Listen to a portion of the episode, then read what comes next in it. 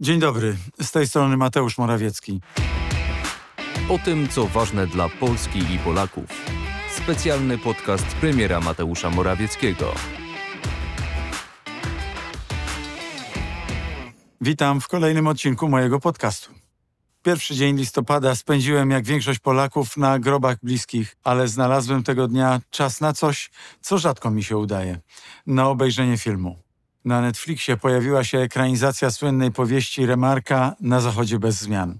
Książkę czytałem już tak dawno temu, że niewiele pamiętam. Zresztą zawsze miałem więcej mięty do łuku triumfalnego tego niemieckiego pisarza.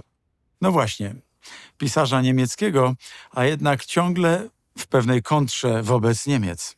Teraz, przed nagrywaniem podcastu, szybko odświeżyłem sobie historię książki Na Zachodzie bez zmian. Wydana w 1929 roku, już rok później została zekranizowana, a tuż po premierze jej pokazy zostały wycofane z niemieckich kin. Protestami przeciwko filmowi kierował m.in. Józef Goebbels. Film ukazywał prawdę o wojennej porażce Niemiec, o upodleniu niemieckich żołnierzy, a więc nie mógł się podobać nazistom żyjącym mitem wielkiej zdrady w czasie I wojny światowej. To ta słynna tak zwana Dolchstoss-legendę. Pierwszy wielki mit nazistowski to mit o sprawcach, którzy uznali, że są ofiarami. Warto o tym pamiętać. Ale wróćmy do roku 2022 i do nowej adaptacji na Zachodzie bez zmian. Film pokazuje losy młodych, przede wszystkim nastoletnich żołnierzy, którzy trafiają na francuski front I wojny światowej. Każdy, kto zna choć odrobinę historię, wie, że najważniejszy z ówczesnych frontów wojennych niemal przez cały czas trwania tego konfliktu nie przesunął się więcej niż o kilkaset metrów. Okopani naprzeciwko siebie żołnierze nie byli w stanie podejść do przeciwnika, nie narażając się na dramatyczne straty. Zamiast o regularnej bitwie trzeba mówić raczej o masakrze. I potworność tej masakry, jakkolwiek to zabrzmi, doskonale pokazuje produkcja Netflixa. Choć to film o wojnie, to nie jest on filmem akcji. W kolejnych obrazach widzimy tylko coraz bardziej wyrafinowane formy wzajemnego okrucieństwa armii niemieckiej i francuskiej.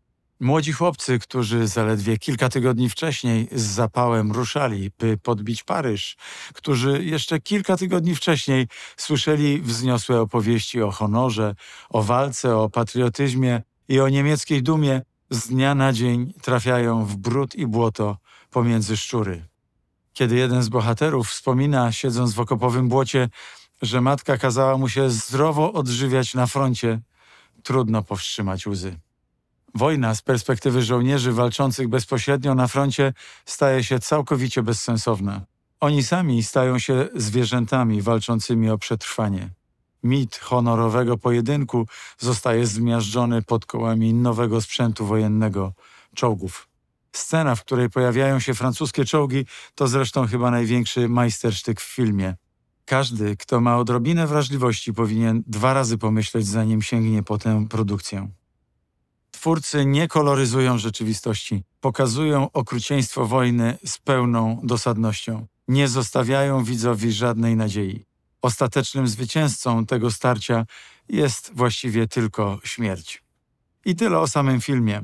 Dzieło doskonałe pod każdym względem, ale dla mnie najważniejsze jest pytanie o znaczenie tej produkcji w kontekście wojny na Ukrainie. Bo o tym filmie będzie jeszcze głośno. W końcu to niemiecki kandydat do Oscara. Kto wie, może nawet tę nagrodę otrzyma. Byłby to niezły paradoks.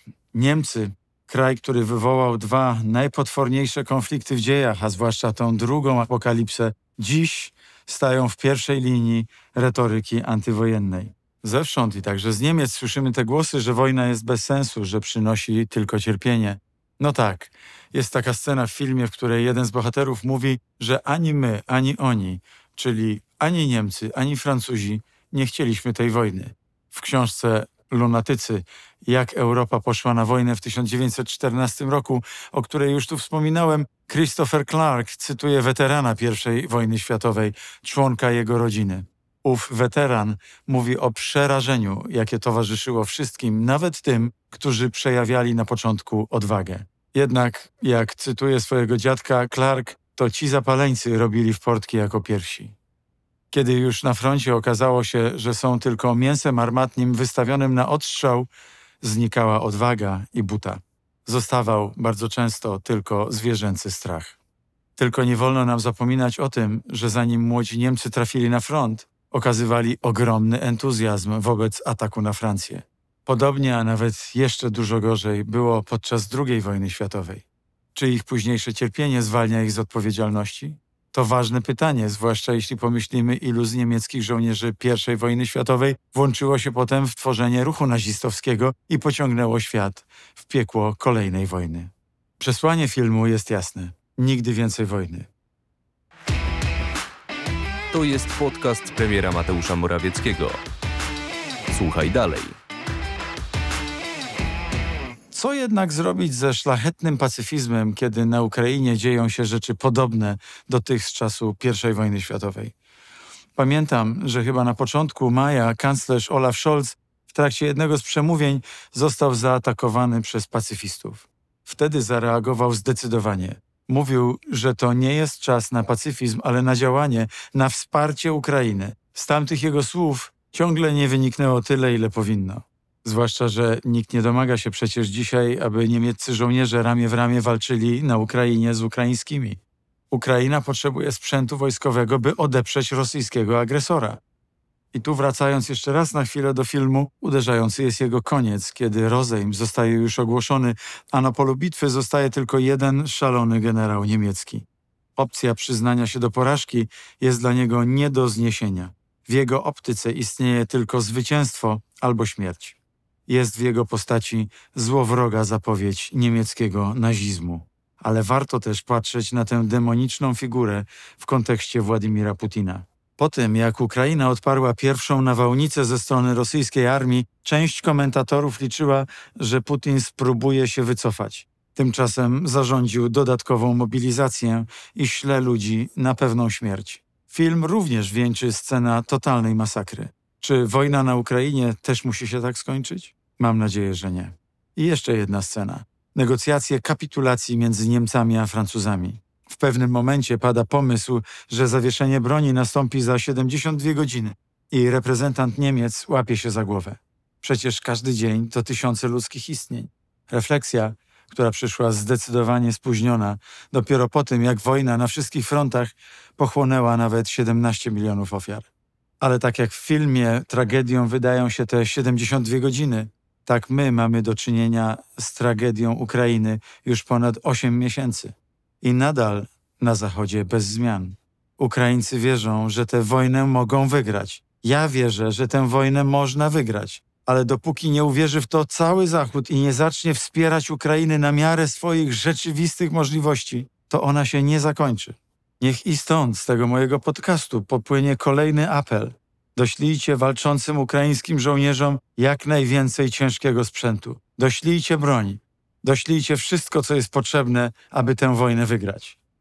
Jestem bardzo ciekaw, jak ten film, nakręcony na podstawie prozy Remarka, przyjmie międzynarodowa publiczność. Chciałbym, żeby wzmocnił jej determinację dla wsparcia Ukrainy. Ale obawiam się też, że na niektórych może wpłynąć inaczej, że niektórych będzie zachęcać do tego, aby tę wojnę jak najszybciej zakończyć nawet kosztem klęski Ukrainy. W obliczu potworności wojny, widzianych z bliska, dla niektórych wydaje się, że nie jest ważne, kto jest sprawcą, a kto ofiarą. Patrzą tylko na cierpiących żołnierzy, ale to jest ważne. To zawsze jest ważne. Nie możemy nigdy przestać dostrzegać kontekstu wojny. Nie możemy mylić nigdy agresora z tymi, którzy zostali napadnięci. Nie możemy mylić sprawców z ofiarami.